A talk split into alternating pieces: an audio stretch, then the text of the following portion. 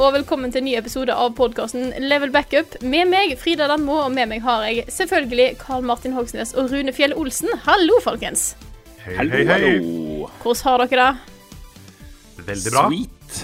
Akkurat spist et uh, stykke sjokoladekake. Det siste hjemmelagde sjokoladekakestykket i kjøleskapet. Resten er fryst ned. Så jeg er fornøyd. Lurt å fryse ned kaka.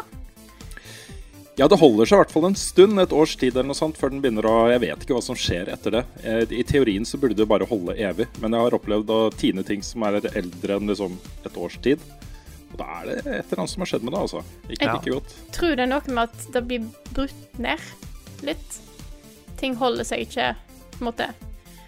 Hvis du hadde fryst det ned til For det, det er jo ikke helt, på en måte. Det skjer jo, ingen, det skjer jo ikke ingenting. Det er hvis Nei, tydeligvis. Nei. Tydeligvis. Jeg har måttet hvis- kaste altfor mye sjokoladekake. Å! Da jo Ja, det jeg beste. Jeg ser for meg at kanskje liksom, istedenfor at bakteriene dør i kulda, så blir de bare veldig veldig treige. Men det er akkurat det som skjer. de går veldig sakte, og så bare Å, shit, nå tar det sykt lang tid før vi er framme på den kaka, og så bare Yes. Men fun Ja, fact, år. det er det som, det er det som skjer, på en måte. Du måtte, ganske- eller, det, det, det skjer fortsatt prosesser.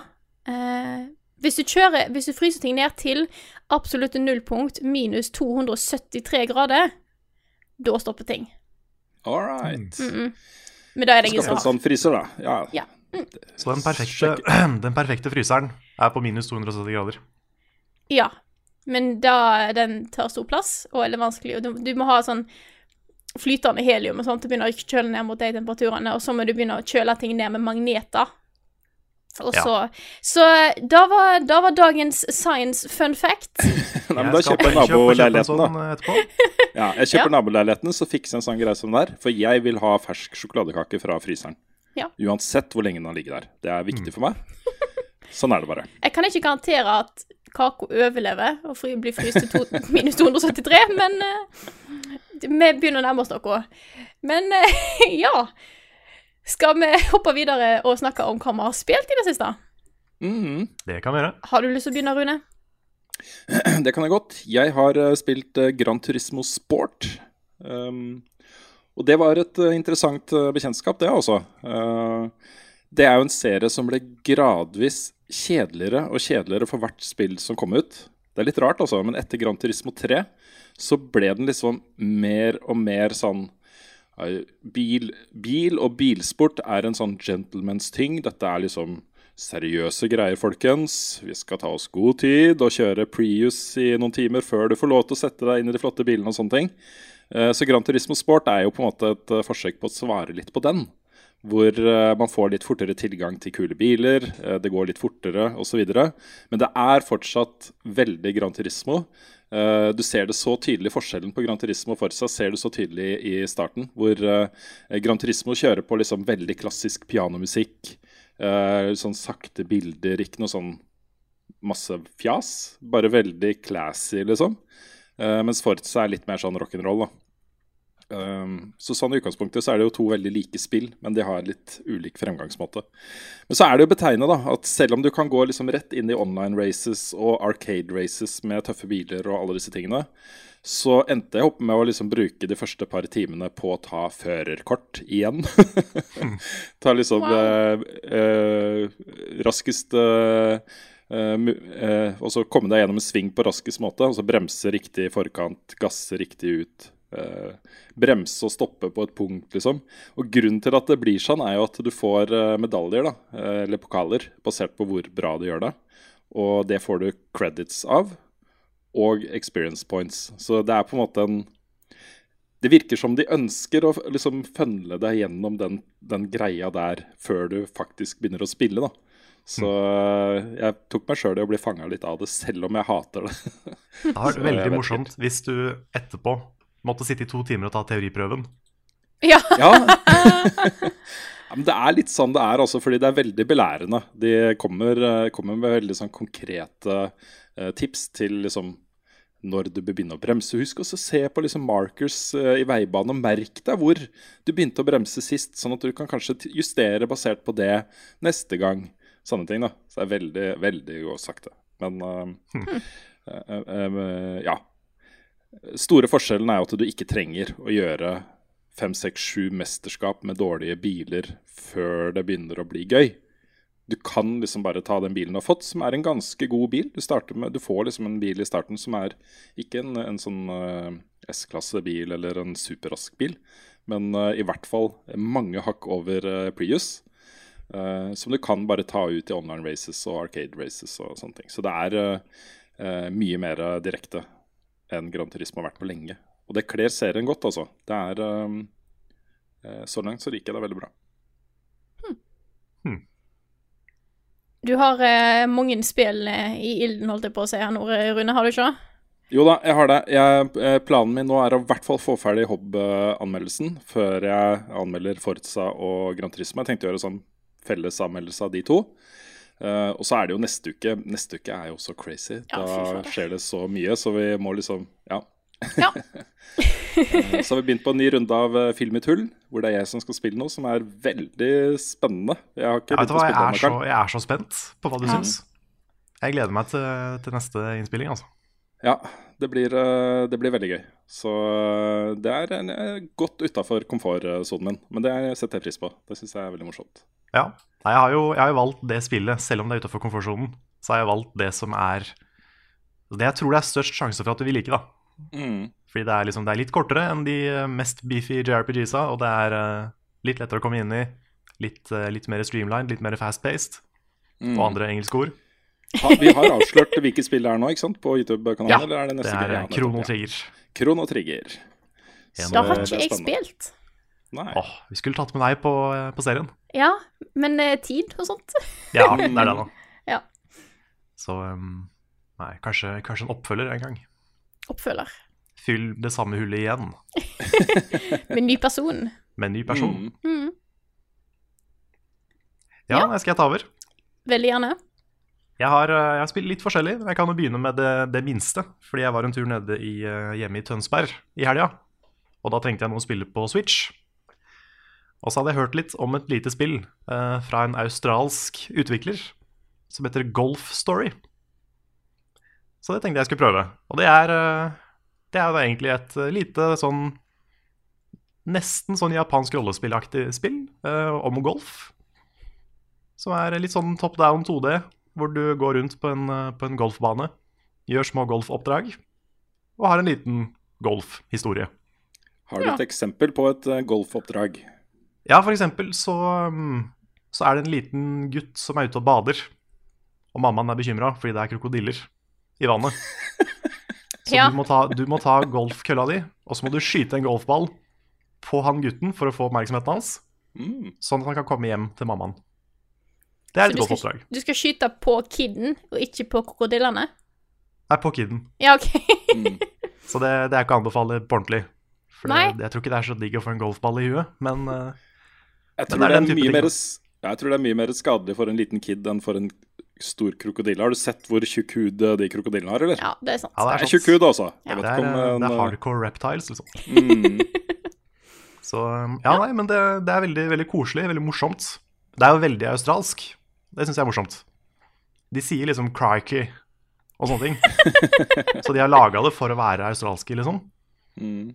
Og um, nei, det er først og fremst litt sånn morsomt, quirky, koselig. Mm. Nice. Har ikke kommet så langt ennå, men jeg testa det, og det var, det var gøy. Så har det ganske bra golf mechanics, da. Det er særlig litt stilig.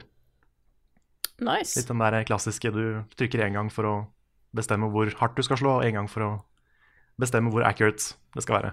Mm. Så um, likte det so far.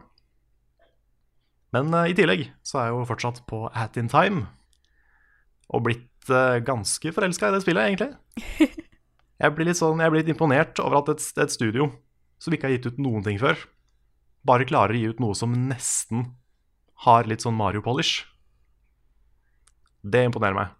I Mm. 3D. For dette er jo et Mm. forsøk på å gjenskape litt sånne GameCube 3D-plattformspill. Og de klarer det mye bedre enn Ukulele, syns jeg. Og som et lite team som ikke egentlig har gjort noe av den type ting før, så syns jeg det er dritbra. Det er imponerende. Så uh, jobber med en anmeldelse av det. Vet ikke helt når den kommer, men uh, skal prøve å få det ut så fort som mulig. Ja, for du også har andre ting nei. du skal over på snart. Det har jeg. Jeg har jo eh, Mm. begynt på ett av de, eh, som Ja. jeg håper at jeg rekker. Eh, rekker sannsynligvis ikke det før Mario Odyssey kommer, men, Mm. eh, men jeg har jo begynt å spille South Park. The Fractured Butthole. Yes. Jeg blir litt irritert når folk kaller det for The Fractured Butthole, for det er ikke det det heter. Nei. Nei, men det er jo tydelig også når Ubisoft selv lager en konkurranse i forkant hvor folk skal sende inn sin beste promp. Ja, Og de, de uttaler det jo som butthole i den traileren. Gjør de det? Også i den, ja, ja. ja da har de hører- misforstått. Ja, det er jo, det- da blir vitsen borte. Vitsen blir borte. Mm. Litt sånn som en spalte vi har, uh, som uh, Jeg vet ikke hva du sikter til. Nei, ikke jeg heller. Nei. Eh, glem, glem hva jeg sa der. Level App, det er den du tenker på, er det ikke det? Ja, Level App, ja. Ja. ja. Det er så mye Nintendo i Level App at det er helt eh, vilt. Det er bare morsomt hvis det er eh, Hvis ingen snakker om det, liksom. Mm. Altså, eller i hvert fall hvis ikke utviklerne og utgiverne snakker om det. Hvis de begynner å snakke om det. Ja, det er derfor så syns jeg den, hele den der promp-kampanjen var litt sånn too much. Ja, jeg tror ikke det var Matt og Trey som sto for den. Det tror jeg kanskje var noen suits ikke. i Ubisoft. Garantert. Det høres veldig sånn ut. Det er ikke første Mm. gang de har prøvd seg med det. De hadde den derre smell, eh, smell VR, eller hva det het. Ja, den derre ja. Nosulus, var det ikke det? Ja, Nossilus Rift, stemmer. Mm. Mm. Stemmer. Wow. Men um, jeg har spilt en uh, tror jeg, to-tre timer av Fractured Fractured Butthole.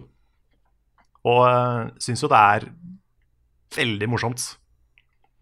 Jeg digger at de har gått fra å være fantasy eh, til å liksom fokusere på superheltdelen av South Park. Mm. Det er en av favorittepisodene mine, eller episodetypene mine.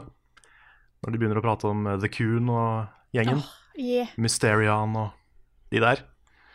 Så de har en triologi, mener jeg å huske, av sånne superhelt... Det heter trilogi! Det heter Trilogi. trilogi. Tri- Trilogi. Du kan, trilogi. Du kan si, si trilogi, gjør du ikke det? Ja, hvis du sier det, så sier du det feil. Ja, men Da var jeg mye sintere utbrudd enn jeg var forberedt på. Ja. Um, det er, Ja. er, ja.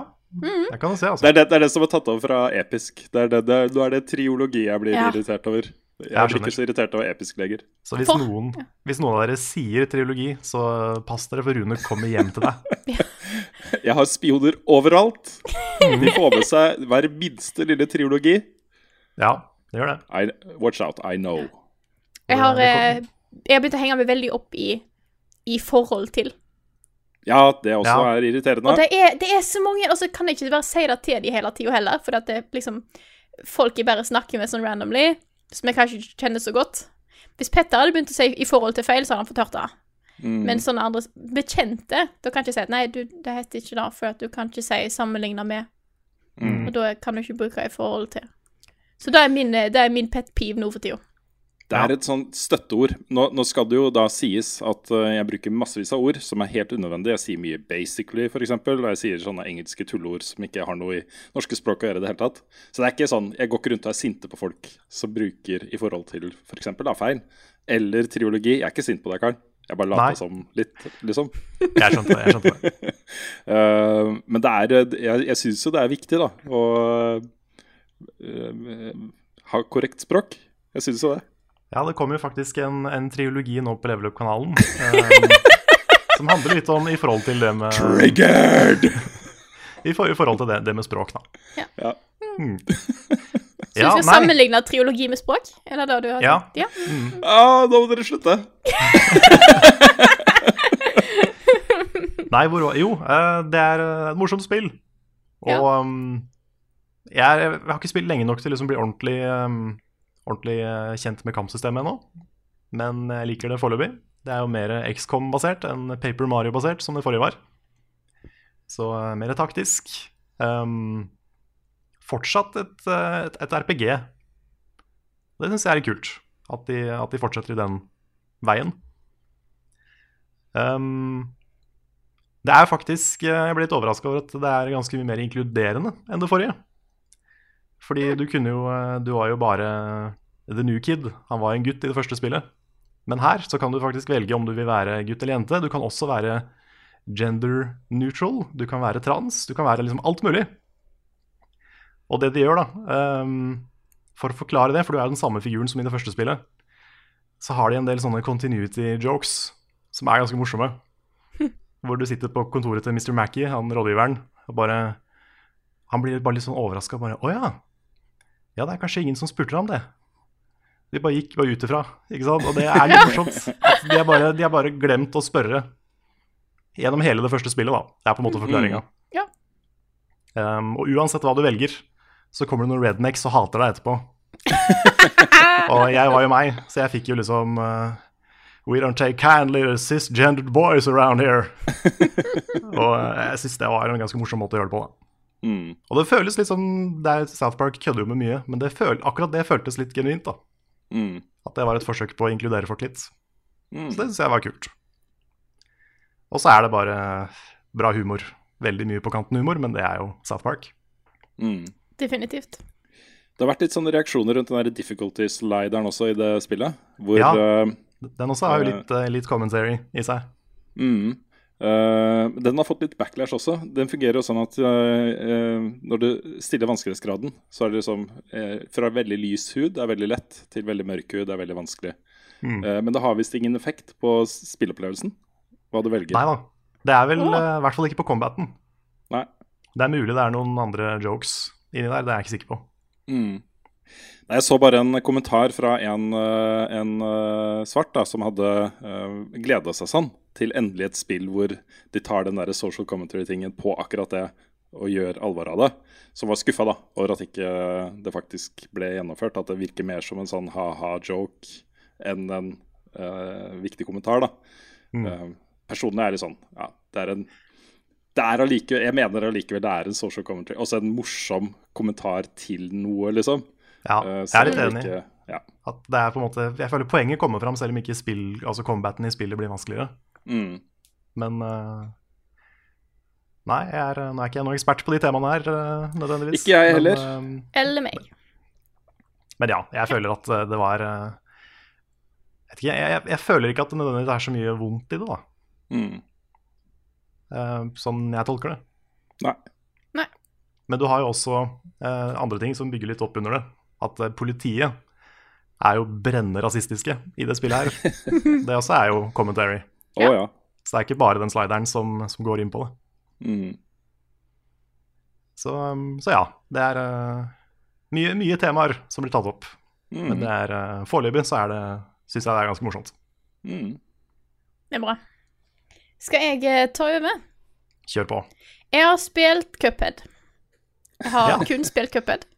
Takk for meg. Eh, jobb meg Jobb meg gjennom det. Eh, jeg er på det jeg tror er nest siste boss. Så, og den er litt tricky, så det er der jeg har vært Vi spilte litt i går, kom ikke videre. Eh, så jeg skal fortsette i dag og prøve å komme gjennom. I dag er planen. Bli ferdig med hele greia. Og det er Jeg blir jo bare så glad i det spillet der, fordi at det appellerer sånn til egen, mitt eget konkurranseinstinkt på, på et perfekt nivå. Det er akkurat vanskelig nok til at jeg ser at jeg kan få det til. Eh, men det er vanskelig nok til at det tar meg litt tid. Så det er ikke sånn at jeg gir opp fordi at jeg eh, føler at jeg er stuck. Jeg er sånn close. Jeg ser at jeg kan få det til, jeg bare gjør noe teite greier. Uh, gjør noe teite greier feil, og må ta det opp igjen. Men eh, åh, det er så gøy. Jeg sitter der og eh, dør, blir forbanna. Eh, blir jo ikke voldelig. Jeg tar et lite slapp på bordet, og så sier jeg 'kanskje faen', og så eh, smiler jeg og går videre. Så eh, jeg, jeg koser meg. Jeg gleder meg til å sette meg ned og faktisk lage anmeldelsen nå. For eh, jeg har en del eh, Vi har litt planer til litt video og sånt som kanskje skal være med, så vi får se. Så takk for meg. nice. Jeg har lyst til å nevne en kjapp ting før vi går uh, videre. Ja. Eh, og det er uh, at vi skal til Gjøvik, dvs. Si Carl og jeg skal til Gjøvik den 2. november. På Gjøvik ja. bibliotek. Uh, begynner klokka sju. Vi skal holde litt det samme foredraget som vi holdt på Tønsberg bibliotek i våres. Um, det handler litt om Det handler vel mest om oss selv, eh, men litt generelt så handler det om spilljournalistikk anno 2017. Altså hvordan formidles uh, spilljournalistikk i dag, kontra hvordan det var for en stund siden. Så eh, hvis du har lyst til å komme på det, så er det bare å komme. Det koster 50 kroner eh, og kommer til å bli stas.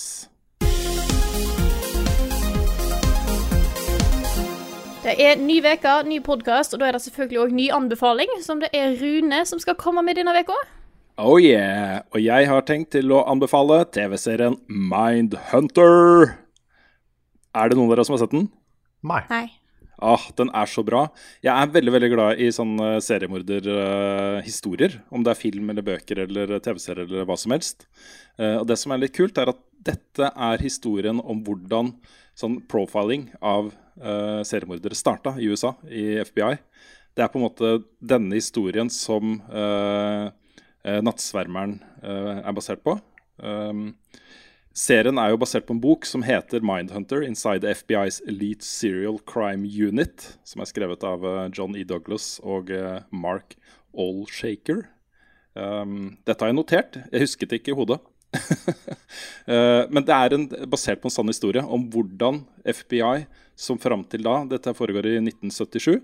Eh, fram til da hadde vært veldig fokusert på at eh, kriminelle er bare slemme eh, og onde. Eh, de som ikke er kriminelle, er snille og gode. Og det er liksom Hvorfor de gjør de tingene de gjør, er ikke noe vits i å bruke tid på det. De har gjort det, vi bare sender de i fengsel. Eh, det dette handler om, er jo liksom hvordan, Hva er mekanikken her? Også hvordan tenker seriemordere uh, som uh, planlegger drapene sine og gjør det over lang tid og kanskje er ganske intelligente? da. Uh, og hvordan skal vi liksom finne dem? Hvordan skal vi fange dem? Hvordan skal vi finne dem? Hvordan skal vi forhindre kanskje å ta ting tidlig, da, før det kommer til at det blir for ille? Kjempespennende. Det er en mye mer langsom serie enn man kanskje skulle tro. Um, disse to uh, FBI-agentene reiser rundt og intervjuer fengsla seriemordere. Så mye av spenningen ligger jo bare i uh, dialog og sånne ting. men den er virkelig ulidelig spennende, altså. Kjempeserie. Hmm. Jeg har jo nettopp Nettopp, typ i natt, ble vi ferdig med sesong to av Twin Peaks. Hey. Nice. Så jeg jobber med gjennom da, så får jeg heller ta Mindhunters etterpå, for den høres veldig spennende ut. Jeg, ja, den, den, er veldig spennende. Og så er jeg også veldig glad i uh, sånn, uh, historiske serier. Hvor man tar tak i liksom, en tidsalder som ikke er nå. Da. Uh, for du får, en del, du får en ganske kult innblikk i hvordan ting var da. Som ikke bare går på historiske hendelser, men på hvordan folk tenker. at de sitter på fly og røyker. Sånne ting, liksom. Mm. Litt, jeg syns det er litt gøy. Og så hjelper sånn... det også ja, så hjelper det jo selvfølgelig veldig at uh, David Fincher har regissert de fleste av disse episodene. Uh, han har jo et uh, utrolig godt øye for den type dramatikk, da. Så ja. Hmm.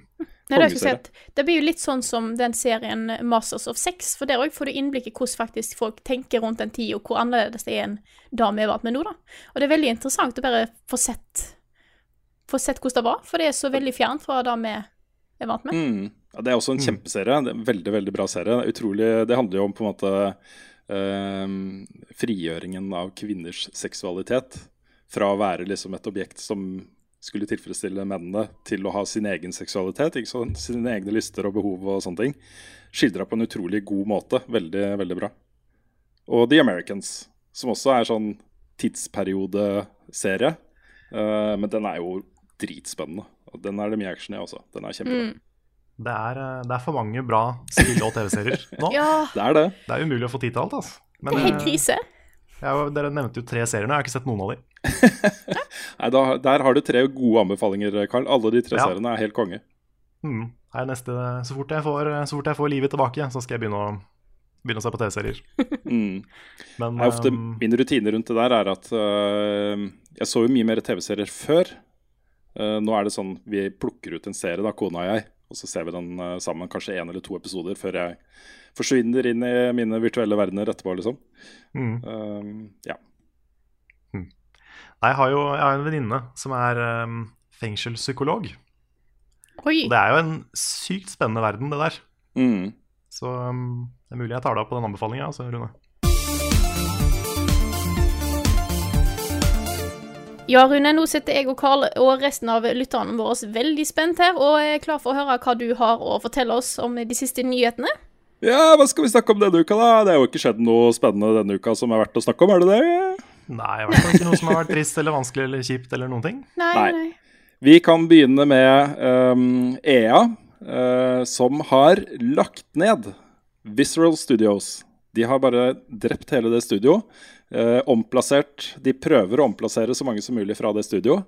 Eh, og flytta utviklingen av eh, dette eh, historiedrevne Star Wars-spillet som bl.a. Amy Hennig og eh, diverse andre jobba på.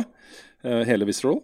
Um, og de gjør det av én grunn, og det er at de har liksom fokustesta dette spillet og funnet ut at det er kanskje ikke det spillerne egentlig vil ha. Kanskje de vil ha noe som er litt mer åpen verden og skal leve lengre sånn online-ting og sånne ting. da. Og så Det er så trist. Det, Jeg vil si én ting, ting til EA. Og hvis, hvis noen av EA hører på dette, her, så er det min, dette er min personlige mening til dere om akkurat dette her.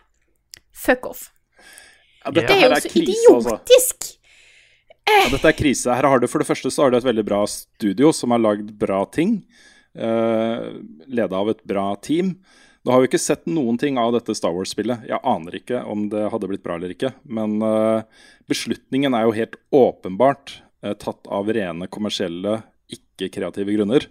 Det har jo ingenting med uh, hvordan de tror kvaliteten på dette spillet her hadde blitt. Det går bare på at vi kan tjene mer penger på litt mer sånn open world-ting. Kanskje noe persistent, verden, something, something, lootboxes. Lootboxes. Lootboxes. sanne ting, liksom. Altså rollespillelementer, loot Jeg osv. Jeg, jeg begynner å få det der Games as a Service-uttrykket Mm. litt langt opp i halsen nå. For det betyr lootboxes, og det betyr mikrotransaksjoner. det betyr at du skal pumpe penger inn i et spill i løpet av mange år. Mm. Det er jo det det uttrykket har blitt. Og jeg syns synes vi skal- Ja. Jeg, jeg syns vi skal pitche en ny serie til HBO. Eh, en seriemorderserie om EA. Ja, og da kunne vi tatt Det kunne bli skal vi se 1, 2, 3, 4, 5, 6, 7, 8, 9, 10, 11 episoder, da. Eh, fordi jeg kan jo gå litt gjennom hvilke selskaper de har kjøpt opp og drept eh, opp gjennom åra. Eh, du har Origin, eh, som står bak, bak bl.a. Ultima Wing Commander-serien. Du har Maxis, som er liksom SimCity, uh, The Sims Spore. Blackbox, Black Box, som eh, eh, er da tidligere Radical Entertainment-folk som eh, eh, bare ble satt inn i tralten. Det kom aldri noe særlig ut fra de. Westwood, Command and Conquer og Red Alert. Den eh, er litt, den er litt ekstra vond. ikke sant? Bullfrog med Syndicate Mm. og Populous og Theme Park og Theme Hospital og Dungeon Keeper. Den er kanskje enda vondere. Ikke sant? Um, Dice, som jo fortsatt eksisterer, men som er nå 100% eid av EA. Um, BioWare, uh, som jo uh, også uh, eksisterer, men i stadig mindre grad, da. Um, Criterion, Burnout-serien, f.eks. Mythic med Warhammer Online, Dark Age of Camelot. og Pandemic, som har uh, Battlefront, Mercenaries, Destroy All Humans osv. Jeg blir så sint på EA. Ja. Jeg, jeg, jeg klarer ikke å bli glad i EA for tida. Så innimellom så er det, det er ikke sånn at jeg liksom hater de av prinsipp. Det er ikke det. Det er jo noen på internett som måtte du får en følelse av at gjør det. Men de gir så mange teite ting. ja, jeg må også nevne at de, ja, de tok jo over også en del IPs fra LucasArts som ble kjøpt ned og lagt ned av Disney. Eh, så de har jo da også kansellert uh, Star Wars 1313, som jo var et sånt Skulle fokusere på Bounty Hunters og sånne ting, som også så tøft ut. Um, men uh, ja. det, er ikke så, det er ikke så bra, dette her. Nei, jeg syns det, det er skummelt at et Star Wars-spill, som uansett kommer til å selge grisemye, Mm. blir offer for dette her. Fordi du, du kan nesten putte hva du vil i et Star Wars-spill, Ja. og det kommer til å bli en suksess. Og for ja, meg dette- som er hovedsakelig òg en, eh, en person som er glad i singleplayer-opplevelser, Mm. så er dette så trist. At det er Mm. den retningen de store selskapene vil ta. Ja, det er akkurat det. Jeg, jeg trenger ikke 40 liksom Battlefront og Destiny. Nei. Jeg syns det, det er kult å ha Destiny, men jeg trenger ikke 40 av de. Nei, og så er det, jeg, jeg, jeg tenker at dette er litt misforstått. For det første så snakker de nå om altså Dette var et spill som opprinnelig skulle ha kommet ut rundt to, eh, 2019. eh, som de nå sier eh, kommer senere enn det. Så vi snakker jo om noen år inn i fremtiden uansett, liksom. Eh, hvordan ser spillmarkedet ut da? Det er den ene tingen. Og den andre tingen er jo at flere av de aller største suksessene i 2017 er mer eller mindre rene singleplayer-spill. Med Zelda Breath of the Wild med eh, Horizon Zero Dawn, f.eks. Near Automata. Near Automata. Det er liksom Ikke sant. Og det er misforstått, da, at, eh, at det er eh, ingen som vil spille rene singleplayer-spill lenger. Det er, det, det er ikke sant. Det dette handler om, er Og nå skal jeg ta et tall som jeg sa i forrige uke også, tror jeg, men som jeg hadde, tok litt feil. Eh, Jeg sa at Activision hadde tjent 3,6 milliarder dollar på Overwatch i 2016. Det er ikke riktig. De har tjent det på mikrotransaksjoner over alle sine spill. Så beklager, det var en uh, litt, en liten feil av meg der. Men de har tjent 3,6 milliarder kroner som de ikke ville ha tjent hvis de bare hadde gitt ut som singleplayer-spill uten mikrotransaksjoner. Det er mye penger, liksom, og det er de pengene dette handler om. Det er ikke det at de Ja. ikke kommer til å gå i pluss. Eh, Det skjønner de at de kan gjøre med et bra singleplayer Star Wars-spill, men de vil gå veldig mye i pluss. Altså, Det vil gå så mye i pluss at ikke sant? Det er det det handler om. Uh, Ja, jeg, jeg, skjønner jo det at de eh, Selvfølgelig så vil jo et selskap tjene mest mulig penger. Um, men jeg syns det er trist da, når det går så langt at man kansellerer et spill som er den ene tingen, mm, og prøver å liksom forcibly gjøre det om til noe annet Og legge ned et studio. i tillegg. Ja. ja, det er, det, er, eh, det er ikke bra. det er ikke det. Nei. Jeg er ikke så bekymra for at uh, eh, dette her kommer til å ta over og alt blir sånn. For jeg tror uh, også sånne ting skaper alltid motreaksjoner, og det vil alltid være folk som har lyst til å lage gode singleplayerspill. Så jeg, jeg tror ikke det er noen grunn til å være sånn veldig bekymra for det. Eh, men som fan av gode singleplayerspill, så er jeg lei meg for at ikke jeg får et Uncharted-lignende Star Wars-spill. Det høres så fett ut. Mm. Ja. Så ja. Det er det lov å sørge litt over. Det er det. Jeg har jo også en litt, eh, ikke fullt så stor, men også en litt sånn der eh, grievance med EA. Fordi de kjøpte opp PopCap, Mm. som har både Plants vs. Zombies og Peggle, og gjorde begge to til sånn der mikrotransaksjonshelvetespill. Mm. Det syns jeg også er dårlig gjort. Dårlig gjort. Må også legge til da at EA lager bra spill også. Det er ikke Ja. det at vi hater EA og nekter å ta i det med ildtang engang. Men Neida, eh, vi, vi anmelder spillene deres eh, med åpent sinn. Det gjør vi. Og de har mye bra, det er bare av og til så har de litt teite valg. Ja, Og som selskap så er jeg ikke så veldig mye positivt å si om de, kjenner jeg. Nei, vi skal også straks Vi skal også straks over til et annet selskap som har gjort uh, litt interessante ting uh, eh, i det siste. Som Ja. er litt i samme gate. Men før det så har vi også snakka en del om det lootbox-systemet i Star Wars Battlefront 2. Eh, og i uka som gikk så har EA svart på den kritikken. Eh, svaret deres er eh, også for å oppsummere kjapt, da, så handler dette om at i den åpne betaen av Star Wars Battlefront 2 så kunne det virke som om den eneste progresjonen i spillet var knytta til lootboxer. At alle add-ons du får, alle våpen, alle klasser du kan kjempe med eh, osv., osv., kom fra lootboxes. Som du tjener ved å spille spillet, men som du også kan kjøpe for ekte penger. Eh, Det EA sier nå, er at det systemet du så i betaen, ikke er en full representasjon av hvordan systemet blir i spillet. Så det er ting der som eh, vi ikke har sett ennå. Uh, og det de også knytta på det, var at alle de beste oppgraderingene i spillet, var liksom formuleringen deres, vil være knytta til hvordan du gjør det i spillet. Så om du gjør det uh, bra f.eks. over tid, høy kode, jeg vet ikke hvordan de har tenkt å måle det, så vil du få sjansen til å få den ene siste oppgraderingen uh, til et, en eller annen character eller våpen eller et eller annet. Uh, basert på det, da. Ikke at du har brukt penger eller har ren Mm. flaks. Men var det planen hele veien, eller har de snudd nå? Ja, det er jo eh, interessant, da. Eh, For de sier jo også at de ønsker Altså dette systemet er også eh, basert på at det fins to grupper spillere her. En gruppe som kommer til å spille det mye og få tak i liksom det de trenger oppgraderinger bare ved å spille spillet. Og en gruppe som ikke har tid til å spille så mye. Så det de sier, da, er jo at de vil ha et system som tilrettelegger for at det kan, skal være mulig å eh, kjøpe buffs og sånne ting som gjør at du eh, får en god progresjon, selv om de ikke har like mye tid til å spille som mange andre har. Um, det er det de sier, og det, er jo et, det høres jo liksom ganske legitimt ut. Ja, jeg har ikke så mye tid i det. Flott det er liksom at jeg kan henge med disse kidsa som, eh, som bare sitter og spiller hele dagen og kvelden og natta, liksom. Eh, men i praksis så er det jo det at man har et sånt system. Det er mange av de også som sitter og spiller hele tiden, som kommer til å bruke penger på lootboxer. Uh, dette Mm. er jo en slåttmaskin. Dette er jo ja litt Ja, du har jo, Ja. eh, du har jo det flatterende ordet whale på folk som bruker mye penger i sånne spill. mm. Så de, de fins det jo alltid. Ja. Det gjør det. Uh, og mens vi er inne på saken, så har jo også uh, en gruppe gamere i Storbritannia har jo uh, lagd en underskriftskampanje eh, hvor de har bedt britiske myndigheter se på lootboxer i spill, om det eh, bør komme inn noen ny regulering på de.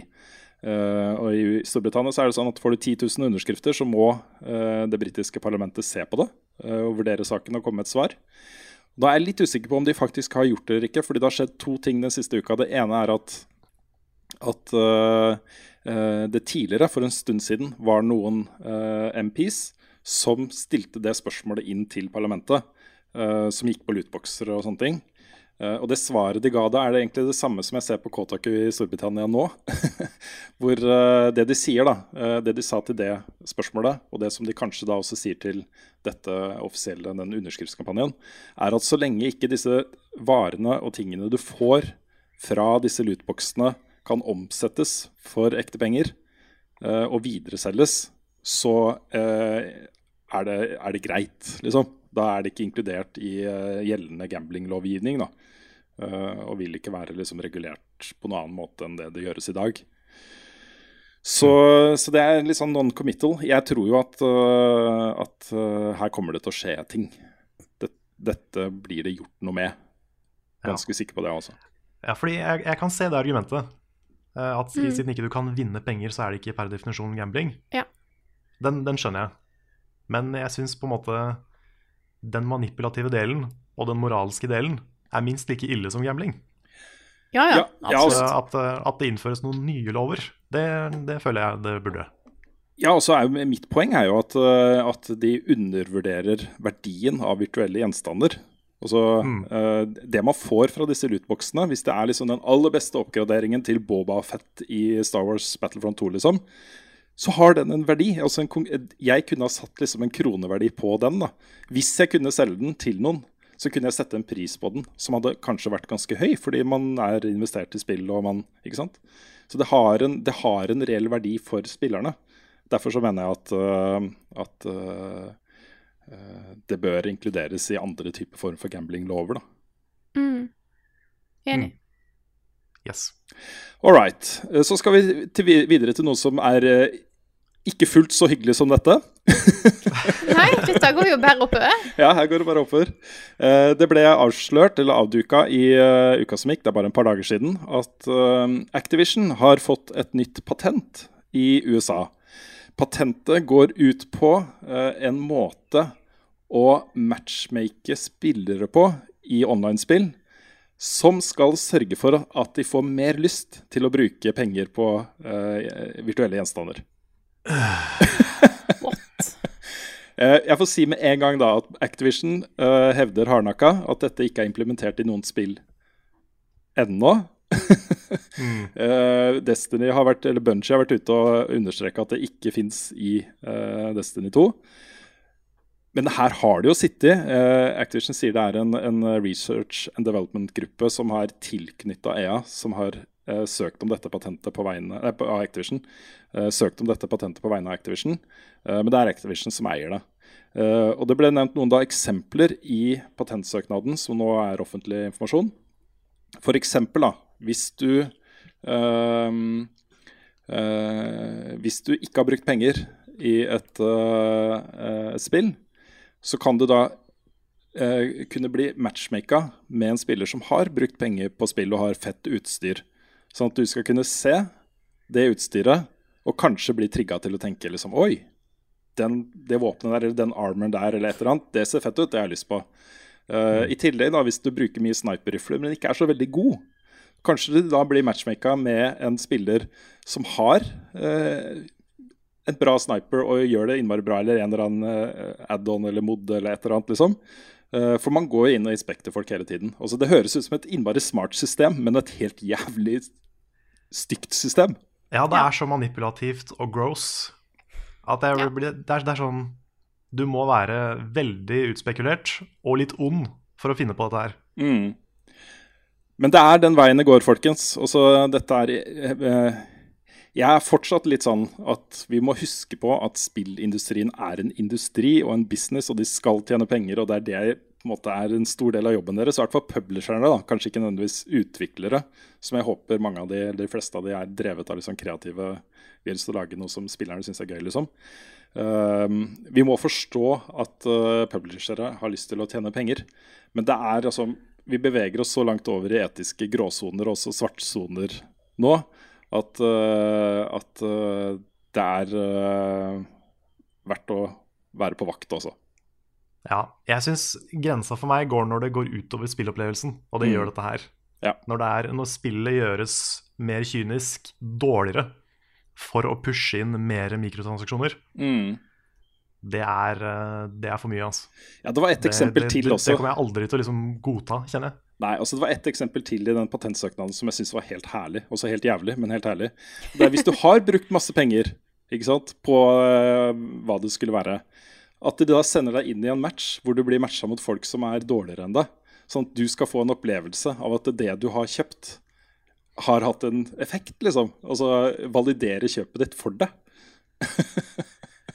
Dette er et rart Wow. år. ja, det er virkelig et rart år, 2017 dette er, sånn, det er, det er et av de beste spillåra noen gang. Ja, Men de trippel A-trendene der er de styggeste vi noen gang har hatt. mm, Ja. det er det. Det er, veldig, det er, det er helt hårreisende. Og det sier jeg, Ja. liksom. Det var en hårvits. Ja, det var en hårvits, Yes. faktisk. Mm. Kanskje skjegget eller noe sånt. Ja. Hårreisende. En hår, eh, hår, hårfin. ja. ja, vi kan dra mange av de hele, liksom, Mm. gjennom hele podkasten. eller ikke. Nei, jeg vet ikke. Vi, uh, vi får følge med på Helt dette til her. du får bakoversveis.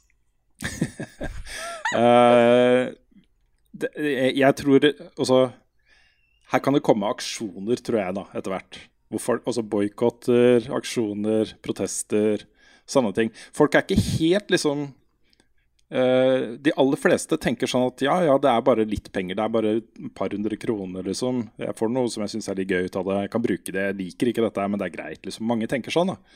Eh, men eh, på et eller annet tidspunkt så kommer det til å eh, bli gjort opprør mot den type praksis, tror jeg, da. Eh, Mm. Og det, det hadde vært interessant å være en å observere det, liksom. Se hva, se hva som skjer da. Ja. Jeg tror ikke jeg hadde klart å bare observere det, kjenner jeg. Nei, jeg hadde nok, jeg hadde, nok blitt med. hadde, hadde nok blitt med. Ja. Stått utafor å si Stortinget med plakat og Ikke sant? Nei, men jeg tror det som skjer før det, er regulering. Jeg tror uh, dette her blir uh, regulert. Jeg tror uh, på et eller annet tidspunkt så må bare eh, myndighetene rundt omkring ta dette her på alvor. Dette handler om forbrukerrettigheter og eh, utnyttelse av forbrukere. Eh, I mange tilfeller da, så gjør det det. Så, eh, og det finnes det jo eh, lover for overalt ellers i samfunnet, liksom. På alt mulig rart vi gjør. Ikke reklamere for barn, f.eks., er jo viktig.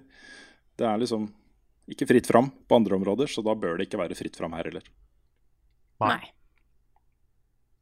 Nei. Det også er jo faktisk et poeng med tanke på eh, hvor mange spill som reklamerer mot barn Mm. med mikrotransaksjoner. Og det er vel fordi folk ikke er klar over det? At ikke det har kommet noen regler rundt det? Det er uh, ny, nypløyd mark. Folk eh, Mm. kjenner ikke dette området så godt. Det er ikke inkludert oss selv, liksom. Vi kjenner det godt, for så vidt. Men uh, vi har jo ikke noe fasitsvar på hvordan ting bør være, vi heller, liksom. Det er uh, upløyd mark, rett og slett. Folk må Ja. forstå det før de kan begynne å lage lover. Det skjønner jeg jo. Mm. Og vi, jeg føler vi, vi fortjener bedre enn all den driten her.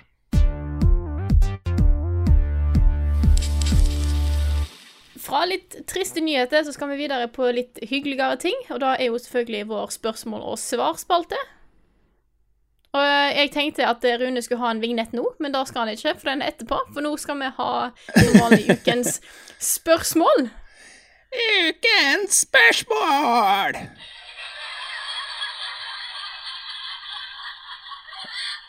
Er det noe lyd der? venter, venter på en lydeffekt, men jeg hører ah, ja, ingenting. Altså. Hørte dere ingenting? Nei. Nei. Var det ingenting? Dere som, ikke, ingenting? dere som hører på nå, så satt, satt Rune med liksom lydmaskinen sin Ja. og trykka på knapper og smilte, men vi hørte ingenting. uh, jeg kan prøve å høre det nå. Ja. Ja, der var det litt Ja, Det er veldig høyt her, skjønner du, så jeg vet ikke. Det ja for den, den, den, var, den var litt skummel. Mm, Ja. Ok. greit. greit. Men Notert. da, fikk- da, ja, men da hadde vi vignett. Uh, så da er vi på uh, da er vi, Poenget, da. Jeg skulle si det med litt morsom stemme, og så er det latterboks. Altså, det var sånn Ja. latter ikke sant, på boks. Ja, ja, Mm. ja. Ja. Så Ja. det var det jeg prøvde å oppnå. Uh, Feila. Avert, men prøver igjen neste uke. Ja. Du får et nytt forsøk da. Så, mm. eh, ja. Viktig del av prosessen. Men vi kan jo starte med da ukens spørsmål, som denne gangen er fra Henning R. Eh, på Patron, right? Yep. Eh, som skriver Det har vært diskutert både gammeldags spillhall på Tilt og mikrotransaksjoner i Skylander i podkasten i det siste. Jeg klarer ikke å la være å se en parallell. Kan det være at barn i dag anser mikrotransaksjoner i Skylanders sånn som vi mm, Slik vi anså spillehaller som barn. Sånn er det når jeg prøver å oversette ting til dialekt på direkten. Noe som er fantastisk gøy, og som våre foreldre bare aldri vil komme til å forstå. Eh, våre foreldre anså vel spillehaller som kyniske pengemaskiner, på samme måte som vi anser mikrotransaksjoner i Skylanders og lignende nå. Jeg kan begynne med, jeg, jeg kan begynne med å si at, uh, at uh, ja, barn syns nok mikrotransaksjoner i Skylanders og andre spill er kjempegøy. Men barn forstår heller ikke at ting koster penger, og hva penger er, og hvordan man får penger, og hva som er dyrt, og hva som er billig. Altså, de, de forstår ikke verdien av penger. Og det er jo akkurat det samme som man kunne si om arkadehaller. At eh, barn som var på arkadehaller, kunne ikke helt forstå at ikke de kunne få så mye penger de trengte for å spille så lenge de ville på arkadehaller. Men selvfølgelig må jo foreldre sette grenser der. ikke sant? Selvfølgelig må de si at vet du hva, du kan bare bruke ukepengene dine. Det er det vi har råd til, liksom. Eh, Gjør hva du vil med ukepengene dine, men eh, ja for jeg, jeg syns han har et poeng med at uh, arkadehaller var jo veldig kyniske, de også. mm, Det var jo, de var, Spillene der var jo bygd for å være Det er jo sannsynligvis derfor veldig mange gamle spill er så vanskelig. Fordi du skulle bruke mest mulig penger i arkadehaller. mm. Så det er helt klart et poeng. Det var ikke, det var ikke en englebusiness på den tida heller. Absolutt ikke. Uh, og vi har jo I forbindelse med åpningen av Tilt Arkade så har vi hørt litt historier om hvordan uh, ting var da på 80- og 90-tallet i Norge med disse arkadehallene. Uh, folk som kjørte Norge rundt med bilen lassa full av kronestykker, og så det var satt, lå så tungt på veien, eh, og våpen fordi de kunne bli rana, ikke sant. Eh, det, det, mye penger. Mye penger omløp, løp, og også kynisk måte å hente penger ut av folk på. Det er en bra norsk action-thriller. altså. Ja, Uten tvil. definitivt. Uten tvil. Åh, jeg har hørt flere, jeg skal ikke dra alle sammen. Men jeg, det, dette er en historie som bør fortelles før disse menneskene dør. Fordi det er mm. mye gode historier her, også. Um, men samtidig så var det sånn at i Arkadehallene så fant man jo veldig mange bra spill, og folk var jo der uh, fordi de likte å spille disse spillene. Så uh, mange av disse spillene var jo kun tilgjengelig i Arkadehaller.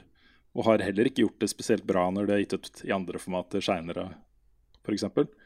Så her fins det, det sikkert mange unntak, men, eh, men, men det, var, det, også, det var grunnen til at Arkadehaller eksisterte, først og fremst.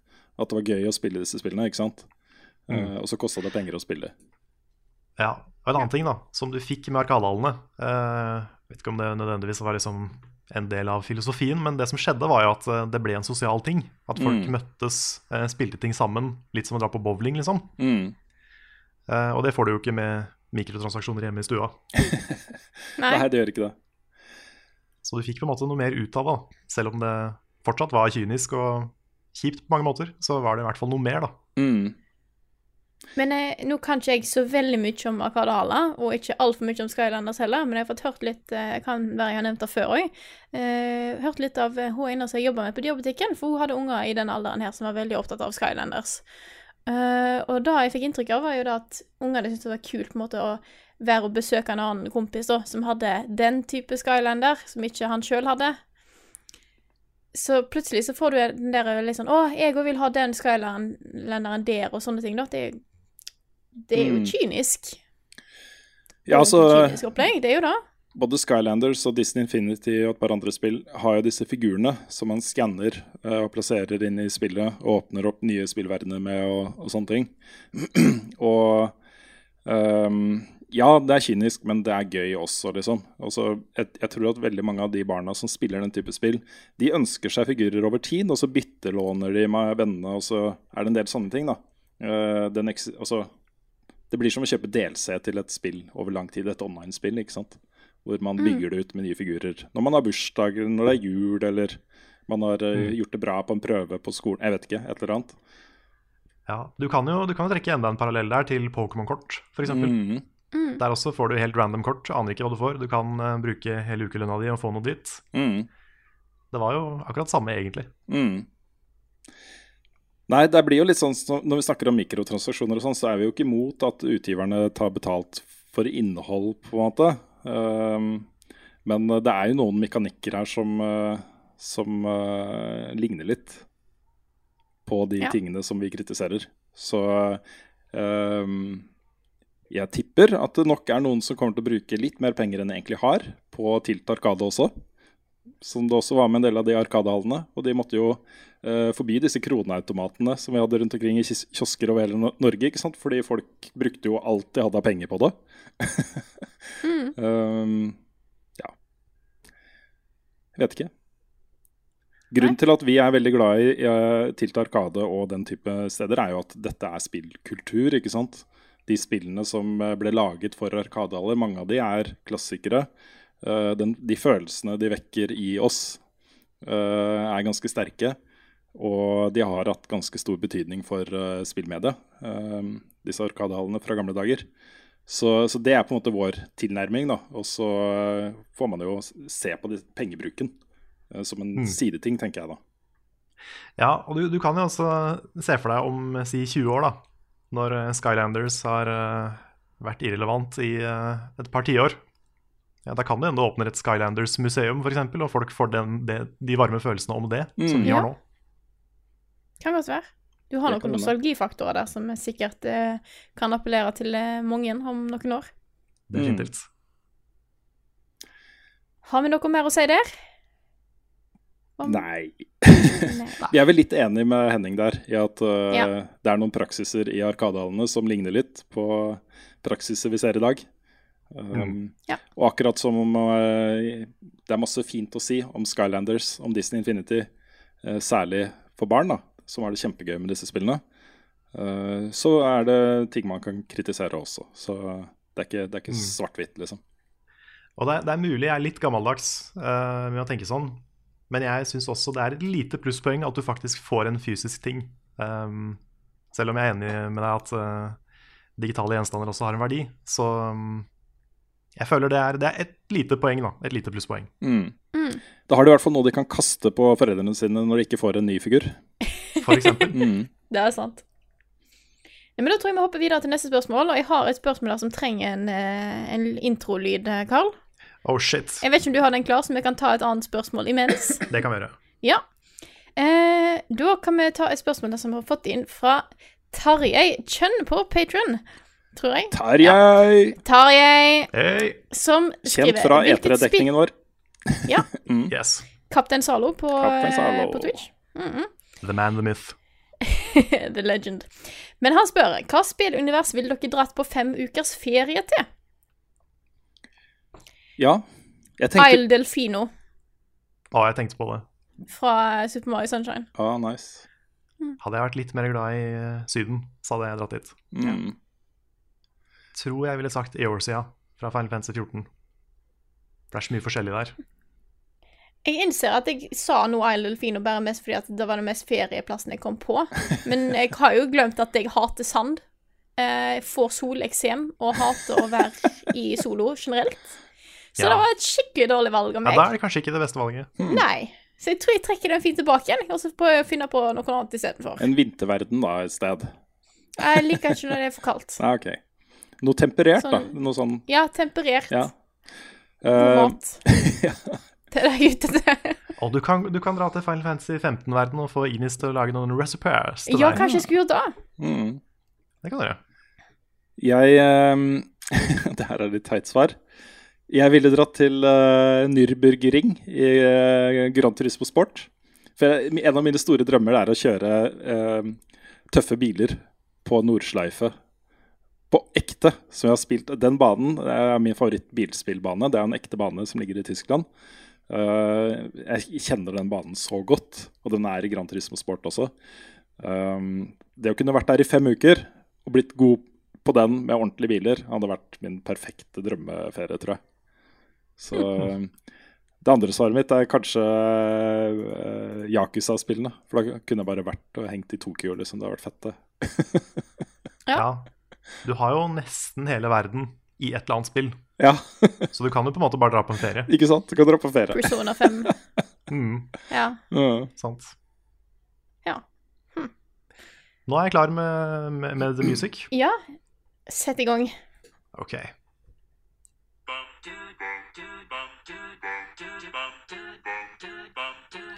Ukens synd får. Har alder noe å si på hvor god man er i spill? Sjøl mestra jeg de fleste vanskelige spill da jeg var ungdom, men i dag sliter jeg veldig med progresjon i vanskelige spill og bruker mye, mye lengre tid på å mestre de. Har dere merka noe til dette sjøl? Snakk for deg sjæl, Trond. Jeg er 44 og har runda Bloodborne, altså. Ja, dette er jo da selvfølgelig et spørsmål fra Trond Sinfor Borgersen, eh, som jeg må, eh, som må nevne. Eh, Jeg vet ikke, jeg føler jeg har eh, Jeg vet jeg var ræva i spill da jeg var liten. Det er på en måte Jeg kom meg aldri gjennom Sonic 1 da jeg var, bitten, når jeg var liksom ung, og så har, jeg, har jeg kommet meg gjennom det etter hvert. Mm. Men eh, jeg vet ikke om jeg har Om jeg har pika, eller om jeg eh, Jeg håper ikke det. Nei, jeg, ehm, jeg var bedre i Lion King da jeg var liten. Nå klarer jeg ikke å runde Lion King, men jeg tenkte litt på det da jeg spilte Cuphead. Fordi um, liksom, Souls er greit, for det handler ikke så mye om sånn Twitch-reflekser og det å reagere superfort uh, på samme måte som det Cuphead gjør. Men i Cuphead så sliter jeg. Og det er sånn jeg har kommet til verden 3 nå. Og det er nesten så vanskelig at jeg vurderer å gi meg. Og det har jeg aldri opplevd egentlig før. Men, det, men Cuphead er litt der. Mm. Så jeg er redd for at jeg liksom kanskje, kanskje er past my prime når det kommer til sånn superkjappe reflekser. da. Dette vet jeg ikke om det fins vitenskap og forskning og undersøkelser og sånt, men min opplevelse av de tingene er at ja, man kan ha på en måte de samme ferdighetene som man hadde da man var ung, men det tar mye lengre tid å tilegne seg de ferdighetene i et spill. Altså Man må bruke mye lengre tid på å memorisere eh, ting og lære seg ting og få det til å sitte i fingrene eh, nå da, enn før. Eh, det kombinert, tror jeg, med at man blir mindre tålmodig. Altså man, eh, Terskelen for hvor eh, lenge man gidder å liksom stå fast ved vanskelige ting, blir høyere og høyere jo eldre man blir, tror jeg. da. I hvert fall så opplever jeg det selv. At det er ikke så fris- fristende å sette meg ned i et uh, ultravanskelig uh, spill, egentlig. Jeg blir litt sånn Det skal litt til før jeg gidder å gjøre det. Men det er jo litt fordi vi har mindre tid nå, sant? Når du blir eldre, så har du mer ting du må gjøre. Du har jobb, den har eh, Du har litt mer faste ting som må gjøres, da. Eh, og da har du eh, kanskje ikke den tålmodigheten til å sitte lenge, lenge med et spill bare for å få det til. Eh, da er det heller å måtte, spille noe som du syns er gøy, med en gang. Mm. Så du slipper den frustrasjonen, da. Mm. Kan jeg ikke for meg. har nok litt med det å gjøre, men jeg tror også det har noe med å gjøre hvor viktig du syns det er å faktisk få til det dustespillet som er kjempevanskelig. Eh, jeg tror kanskje jeg syns det var vanskeligere eh, At det var mer viktig før. Viktigere for meg personlig å faktisk klare å fullføre det spillet som jeg syns var veldig vanskelig. Eh, nå tenker jeg at ja, ja. Jeg, jeg syns det var litt vanskelig. Jeg gjør noe annet isteden, jeg, gitt. Liksom, og så er jeg ferdig med den saken. Mm. Ja. Ja, men det er sant. Ja, For meg så er det veldig forskjell på den der uh, vær tålmodig-vanskeligheten og den uh, Cuphead, Super Meatboy, reager, gjør ting frame perfect-greia, Mm. da. For den sliter, jeg my den sliter jeg mye mer med. Mm. Jeg tror jeg har Og dette merker jeg jo nå, når jeg tenker meg om liksom hvorfor kan jeg sitte en evighet med én boss eh, i cuphead uten problem, men jeg blir forbanna når jeg dør i Bloodborne. Ja, for der er jeg omvendt. Ja, og da tror jeg fordi at hvis jeg kan gi noe eh, som jeg på en måte Jeg kan prøve en til, og jeg er ferdig om to minutter. Hvis jeg får det til nå, så er jeg ferdig om to minutter. Hvis jeg dør i Bloodborne og er nødt til å få tak i nye blood vials og alt dette her, så tar det lang tid. Og det er sånn åh, shit, et forsøk til. Det tar meg lett et kvarter. Ti minutter, kanskje. Eh, og da er det litt sånn Da må jeg investere så mye tid.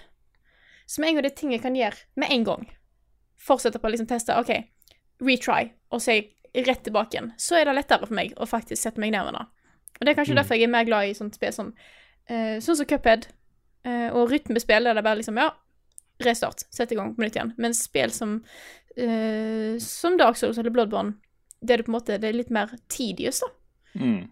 Der har ikke jeg den tålmodigheten. Nei, jeg tror uh, For meg så handler det om at uh, i Bloodborne, da, så er det kanskje sånn Jeg tror jeg klarer det om tre-fire forsøk. Hvis jeg bare lærer meg mønsteret til bossen. Mens i Cuphead så ser jeg at liksom, oi, det kommer til, å kommer til å ta i hvert fall 60 forsøk før jeg har sjans. Mm. Og det, det er det som blir demotiverende for meg. Ja, jeg ser den. Det der er ikke jeg i Cuphead nå. Der ser jeg at hvis jeg prøver tre-fire ganger til nå, så har jeg den. Mm. Wow. Mm. Og så må jeg prøve veldig- 15 ganger før jeg faktisk har det. Men jeg ser det lyset i tunnelen. Ja, det er enten du er veldig god, eller så er jeg veldig dårlig i cupen. Men så er Men du er god i Bloodborne, så da på en måte veier det opp. Ja, ja, Ja. vi har hver våre kvaliteter. men så er det jo sånn, og det er jo eh, godt kjent, da, det er jo at eh, sånne ting som reaksjonsevne, hånd-og-øye-koordinasjon, blir påvirka av alder. Eh, Det er ikke uten grunn at alle e-sportproffer er eh, liksom i 20-årene eller yngre. Eh, Og at man liksom når man bikker 30, så gir man seg. Fordi man kan ikke konkurrere mot en 15-åring lenger, liksom. Eh, På de millimeter eh, så har det jo no alder noe å si. Altså det har jo det. Mye av det kan på en måte kompenseres ved å bare øve masse og leve, leve dette spillet, liksom. Men uh, man må over den også. Så sånn sett så har jo Trond også et poeng, da. Ting blir litt Ja. vanskeligere med alderen. Det gjør det, altså. Ja. Da tar vi neste spørsmål her. Eh, og vi har fått inn Vi har fått inn litt sånn eh, forskjellige spørsmål. Eh, nei, spørsmål av litt flere folk. Og det er mange som lurer på skal vi på Spillekspo. Så da kan vi jo si litt om. Mm. Ja, planen er jo å dra på Spillekspo. eh, kanskje på lørdagen, hvor det er mest folk.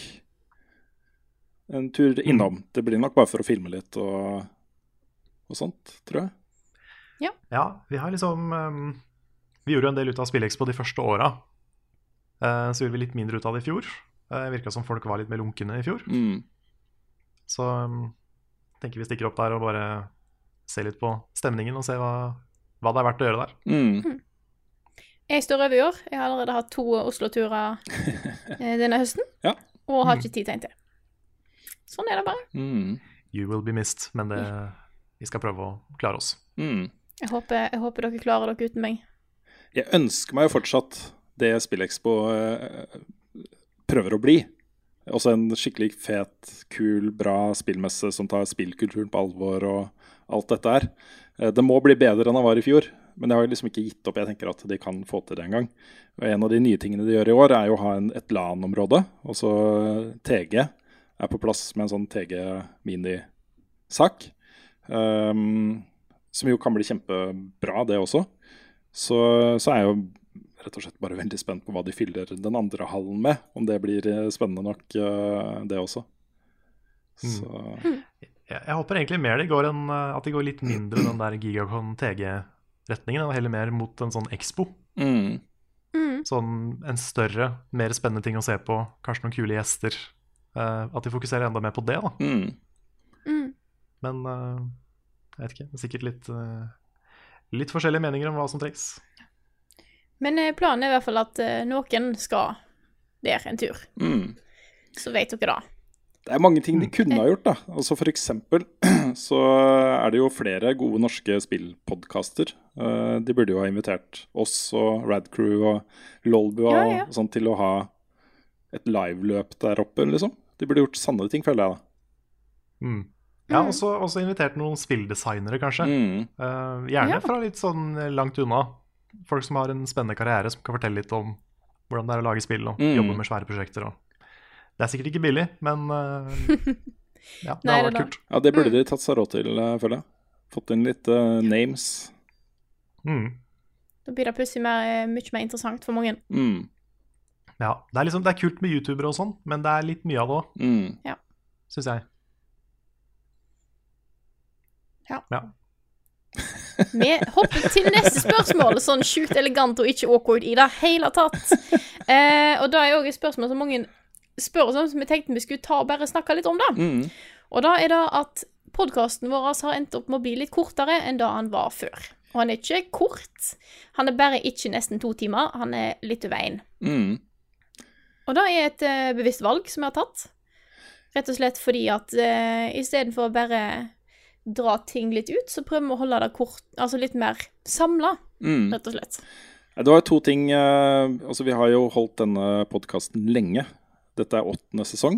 Vi, er, vi har gitt ut gudene vet hvor mange hundre episoder. Egentlig så burde vi bare holdt oss til episodenummer hele veien, syns jeg.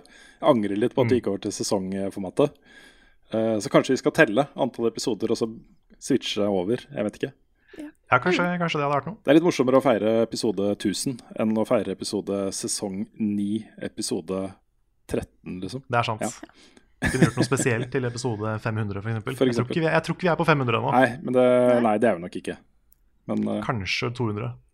Men vi kan ta eh, Det går an å telle, og så eh, fra sesong 9 så er det ikke sesong 9 lenger. nettopp. For eksempel. For eksempel. Ja. Det er en god idé. Ja. Ja, kanskje vi skal ta en sånn break i 2018, Kanskje det. for Ja. eksempel. Mm. Det, Ved nyttåret. det er noe der, altså. Mm. Uh, Men- ja, men vi hadde jo da både begynt å føle litt selv at uh, vi kanskje repeterte oss selv litt ofte, at det ble litt mye dødtid, da. Litt mye tomprat, kanskje. Og dette har jo alltid vært en podkast vi ikke har lyst til å bruke masse tid på å klippe i. Så vi gjør jo alltid, nesten alltid, da. Nå hadde vi kommet litt skeivt ut eh, denne gangen her, Frida. Du fikk lov til å starte på nytt. Men, Ja, for at jeg har tydeligvis eh, bare surre. Ja, det fikk du lov til, siden det var helt i starten av podkasten.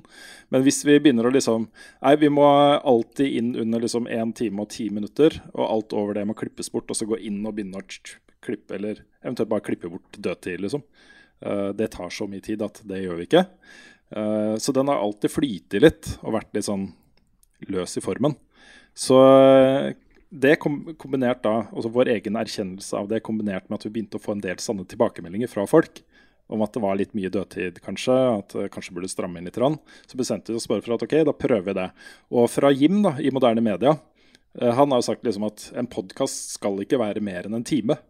Det er liksom, Den bør ikke være mer, mer enn en time, da. Um, så tenkte vi at ok, vi prøver, og så strammer vi inn litt, og så ser vi hvordan det går. Og så venter vi til folk begynner å reagere på det, og så skal vi snakke litt om det. Um, og det har skjedd nå. Begynt å komme litt eh, tilbakemeldinger på folk lurer på hvorfor den er kortere enn den var før. Uh, noen savner den litt mer løse formen på det som var før. Uh, mens vi har fått mange også tilbakemeldinger på at folk liker den litt strammere formen. da. Så Det handler også litt, litt om å nå ut til flere. At det er kanskje lettere å sette seg inn i en podkast hvis den ikke er to timer lang. Mm. Ja, jeg merker med meg sjøl også. Jeg har liksom en tendens til å velge bort podkaster jeg ser er to timer og 43 minutter lange. Uh, rett og slett fordi da blir det det jeg hører på hele den uka, og ikke liksom den og den podkasten som jeg også pleier å høre på, liksom. Uh, for den, går jo, den er jo da bare klart å trykke play på der hvor jeg stoppa sist, ikke sant. Um, så jeg vet ikke. Men uh, samtidig så må vi også erkjenne at hvis ikke vi får flere lyttere, da, hvis ikke det er sånn at folk tenker, altså, hvis ikke lyttertallene våre vokser, uh, og folk begynner å klage over at den er for kort, så kan det hende at et flertall av de som hører på denne podkasten, har lyst på lengre podkaster, kanskje. Så vi må jo se dette litt an, men vi kommer nok til å fortsatt gjøre dette en stund til, Og så før vi tar en ordentlig evaluering av det. Um, og fram til det skjer, så er jo alle velkomne til å sende oss eh, tilbakemeldinger på, på hva dere syns. Ja da. Kom, kom gjerne med mer feedback. Mm. Jeg tenker at vi kanskje lager en slags undersøkelse, en brukerundersøkelse av det på et eller annet tidspunkt, hvor vi prøver å få litt mer konkrete svar fra folk. Det interessante er jo at denne her, den vi snakker om hvorfor podkasten er litt kort, ser ut til å bli en av de lengre podkastene vi har hatt på ganske lenge. Ja da. Det sant. Vi, eh, ja, hvis, hvis vi avslutter nå, så blir det en omtrent likt som før. Ja, men vi har jo fortsatt litt igjen. Vi har det. Ja, så, eh, så da er dette, dette er litt for Et lite sånn kjærlighetserklæring til dere som syns at det skal være litt lenger. Denne er litt lenger, Mm. men så kan det være at vi går tilbake på eh, ca. litt over en time. Så Ta-da. Ja, nei, da har vi Badabam, badabam, badabam. Ja. Bonustid, podcast. Ja, nei, fortsett. Vent litt. Takk, takk, takk, ja. Mm. Det, det kunne vært både applaus og sånn der eh, hagl på ruta. Ja, det kunne vært begge Det er deler. ikke, det er ikke veldig bra kvalitet på lydeffektene. Nei Altså. da. Nei. Nei, men eh, da har vi kommet til den delen der jeg spør om dere har sett noe dere har lyst til å ta opp av spørsmål. Ja, jeg kan svare kjapt på et som har kommet fra Simon uh, Simsopp Størkersen. Uh, Simsopp står i anførselstegn, så jeg tror det er et kallenavn. Uh, han spør Ja. Hørte Rune, Rune snakke om poker igjen for noen uker siden, og mener han har snakket om det før også. Er veldig glad i poker selv og lurer på hvordan Runes forhold til det egentlig er. Spiller han regelmessig enda? Spilt to store turneringer. Uh, jeg er veldig glad i poker. Det er lenge siden jeg har spilt det. Før så um, Når vi hadde reisebudsjett og sånne ting, så elska jeg å stikke innom Vegas for å spille litt poker. Før jeg dro videre til Los Angeles for å være på en messe, f.eks. Um, og det er det jeg liker best. da Spille poker i Vegas. Og da gjerne turneringer. Men det er lenge siden jeg har gjort det, og jeg savner det skikkelig. Jeg har lyst til å spille turneringer igjen. Og vi har ikke noe faste lag jeg er med på lenger heller, som jeg var på da. Hver fredag kveld hadde vi pokerlag. Kjempegøy. Men um, ja. Veldig glad i poker fortsatt, og har lyst til å spille mer. Ja. Hmm. Kanskje en egen sånn GoFundMe på eh, buy-in til NM i poker. Hadde vært en idé. Du kan, du kan starte sånne runde microtransactions. Mm, det kan jeg Hvor du kan Ja. med liksom litt penger, og Mm. da får du eh, kanskje en, en femtedel. Nei, vet du, da blir det gambling. Ja. Kanskje en prosentandel av Patron-inntektene våre kan gå til eh, pokerbudsjettet mitt. Er det en god idé, Karl? Det er den beste ideen du har hatt noen ganger. Det er kjempeaktuelt. Ja, og så kan også en viss prosentandel av det jeg vinner, gå inn i Buffkitten AS, f.eks. Ja, det du definitivt vinner. ja. For alle går i pluss i poker, sant? Ja. Ja. Men jeg har ja, spilt noen store turneringer. Jeg har spilt, uh, jeg har spilt World Series of Poker. Øh, ikke main event, men sånne uh, de, de mindre turneringene. Men det er fortsatt mye penger, liksom. Det var mens jeg hadde god inntekt og kunne bruke 10 000 kroner på å være med i en turnering. Såpass kosta det faktisk. Det var uh, Ja. 40-årsgaven til, uh, til meg selv var å gjøre det. Buy-in der, liksom. Wow. Mm. Jeg dro sammen med Anders, Kult. kompisen min, til Vegas. Var der en hel uke og spilte poker. Det var helt nydelig. helt nydelig. Stas. Mm. Ja, jeg kan, jeg kan ta et spørsmål, jeg òg. Vi har, vi har snakka litt om det før, det er en stund siden. Men jeg har litt lyst til å ta det opp for det. Det er fra Synne Ludvigsen. Hun spør om vi har et drømmespill eller en spillidé som vi syns mangler i dagens utvalg. Um, hun sier at hun savner et spill som slår sammen Banished og Siv-serien, hvor, se, hvor bybyggingsstrategien fra Banished får et preg av krigføring. Så det er en god idé. Mm. Um, ja. Jeg har, eh, jeg har ett svar på det. Vil dere si noe først? Du kan Jeg er ikke kreativ nok til dette her, merker jeg. Hmm. Nei, Rune? Nei, jeg bare kjør på, du. Ja. Nei, eneste jeg tenkte på er fordi at jeg har, jeg har spilt gjennom eh, Hellblade. Um, og det fikk meg å tenke litt sånn på hvor mange spill som setter deg i den der rollen hvor du er en ganske sånn perfekt person. Uh, mye handler om deg, du er helten, og du har veldig mye å si i en verden. Eh, mens i Hellblade så får du liksom Så blir du plassert i en person som sliter med ganske tunge ting. Og det er veldig stilig. Mm.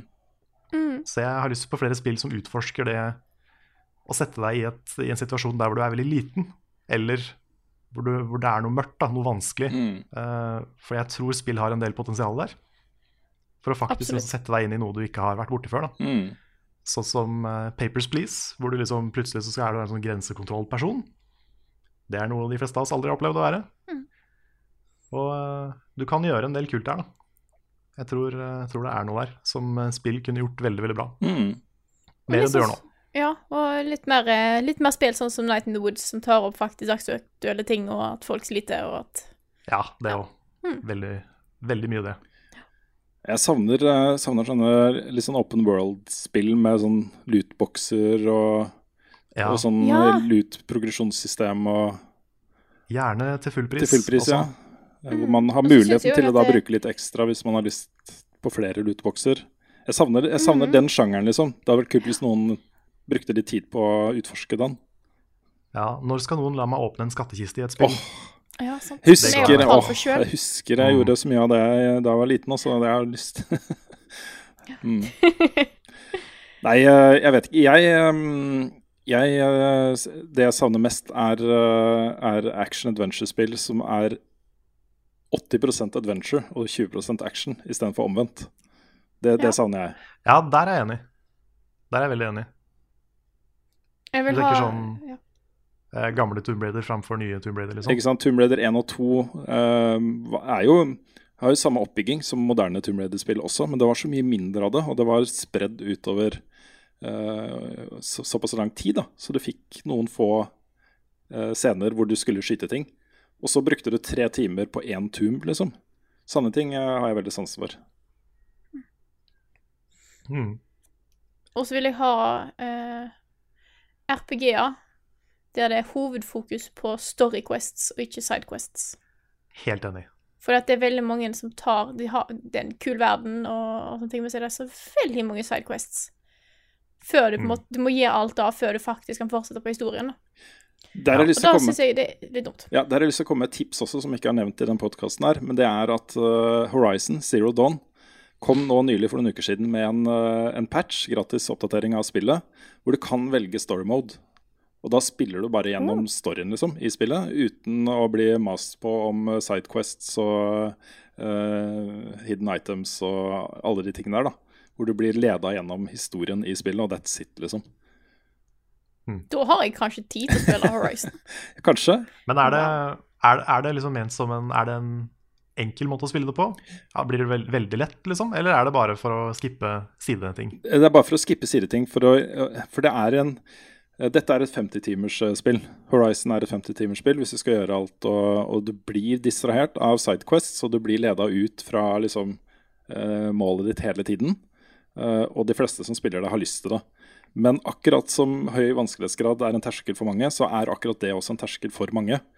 Eh, at man ser for seg altså foran, foran en så ligger 50 timer, liksom. Ikke ti timer kondensert bra story, liksom, men 50 timer med veling og utforsking og sånne ting, liksom. Uh, så for meg så virker det som det er det de har prøvd. da, Å gi folk som har den derre litt mer tilmålt tid, uh, muligheten til å oppleve det som faktisk tross alt er en innmari bra story. Uh, med masse kule action-events i storyen også, selvfølgelig, men hvor, hvor du bare dropper alt staffasjen rundt. da. Som jeg elska. Jeg syns det var kjempegøy å gjøre alle de tingene. Men uh, det, er ikke, det er ikke alle som har 50 timer til overs til, til det. Nei, sant. Nei, det der er, eh, det er grunnen til at Assassin's Creed 2 er favorittspillet mitt i serien. Fordi eh, det skjedde veldig, det skjedde noe veldig tydelig der når Brotherhood kom. For der tenkte jeg OK, um, nå skal jeg gjøre alle sidetinga først. Så kan jeg liksom kose meg med å gjøre bare storyen til slutt. Mm, Og så gjorde jeg det. Uh, og så plutselig var spillet ferdig. nettopp. Og da fikk jeg den derre Oi, det var nesten ikke noe main campaign her. Det var bare altså, Sidequestene var spillet. Ja. Og da, det skuffa meg. Det, jeg vet at Brotherhood er veldig populært, men eh, det var ikke for meg. altså. Mm. Men jeg tror det er litt derfor jeg liker Persona 5 så godt òg. For at selv om det er noe sidequest innimellom, så føles det som at alt jeg gjør, påvirker min karakter sin progresjon videre i historien. Mm. En av grunnene til at jeg faktisk klarer å investere så mye tid i det som jeg har gjort. Ja, Det, det faktisk, føles en- som det alt gir mening. Mm, det er faktisk en 120 timers story mode. ja. Det er akkurat da. Mm. Uh, ja, nå begynner jo vi å få litt sånn lang podkast her nå, så jeg lurer på om det kanskje er på tide å avslutte. Men jeg har lyst til å ta et lite, lite spørsmål til. Kort et. Bitte litt et. Fordi okay. at jeg har så sansen for teit, sånne litt sånn absurde spørsmål som vi får inn innimellom. Uh, og vi har fått inn noe et spørsmål fra Tommy Ribland, som skriver Hvis dere var en ingrediens i ei fruktskål, hva frukt ville dere vært? Jeg har fått en, en ny appreciation for en frukt. Ja. Uh, fruktens Luigi, som jeg liker å kalle det, det er pære. God pære er, eh, det er en bra frukt. Så jeg tror jeg sier pære. Jeg uh, er vant til å få sånne der, fruktskåler på bursdager hos gjerne litt eldre mennesker. Og der er det alltid kirsebær. Altså, ikke så mange, noen få kirsebær inni den miksen. Som, det føles ikke som man passer inn der i det hele tatt, egentlig. Uh, og man blir alltid litt skuffa når det havner på skjea. For den smaker ikke så godt i den miksen. Så um, bare for å være litt spesiell, så velger jeg det kirsebæret der, liksom. Jeg har eh, Det spørs liksom hvor avansert fruktfat det er snakk om, da. Men eh, jeg er stor fan av appelsin. Jeg syns det er en eh, bra, bra frukt. Så jeg tror jeg sier appelsin. Så da, da har du hørt på en, eh, en pære-kirsebær-appelsin-podkast. Ja. Så, Det en Spennende kombo. ja. så med da så tror jeg kanskje at vi tar og avslutter. Det Med, kan være. med oss som frukt. Eh, så da vil jeg selvfølgelig takke alle dere som støtter oss på Patron. Dere er fantastiske folk, og uten dere så kunne vi ikke lagd f.eks. den podkasten her. Det Så- kunne vi ikke. Tusen, tusen Så takk. takk. Så hvis eh, du som hører på liker det vi lager, og har lyst til å støtte oss med et eh, så stort beløp som du sjøl føler for, så er det bare til å gå inn på patrionen vår, Level Up Norge. Eh, så kan du gjøre, gjøre det. Åh, jeg har lyst til å ta enda en liten sånn der, eh, rip-off av Visjon eh, Norge. Kan jeg få lov til det? Ja, kjør på. Oi. Og så vet vi da at det er mange som ikke har så mye penger å rutte med, og det er greit. Vi forstår at ikke liksom, man kan gi så mye hvis eh, man ikke har så mye. Men det fins jo også de som kan gi tre millioner kroner uten at de merker det på bunnlinja i det hele tatt. Og da er det jo bare å gi. Da er det jo bare å gi, liksom. Når man ikke merker dette på At man, man har fortsatt nok penger igjen, og man merker ikke at de tre millionene kronene er borte. Bare å gi. Jeg skjønner at jeg har gått glipp av noe. Jeg har ikke hørt den fyren her. Ja, Dette er, Men jeg ble, jeg ble litt kvalm. Dette er ikke han uh, main guy, liksom. Det er en annen uh, fyr som står der, med en dame ved siden av som bare mm, Ja, ja, mm, mm. Så, så der har dere da, folkens. Mm. Ja, Utrolig at det går an å være så ydmyk. Ja, Helt utrolig. så veldig Ja. Men når det er sagt, da, så vet jo at det fins mennesker med mange millioner kroner på bok som ikke helt vet hva de skal gjøre med det. Hvis du hører på Hei. denne podkasten mm, Hallo? Mm. Ja. ja. Da har vi spurt om er penger for i dag. litt mye å be om, altså. Bitte Ja. litt mye å be om. Men uh... oh, nei, men Da tror jeg at eh, vi tar og takker for oss. Takk for at du har hørt på akkurat denne episoden her av podkasten Level Backup. Og så snakkes vi igjen neste uke.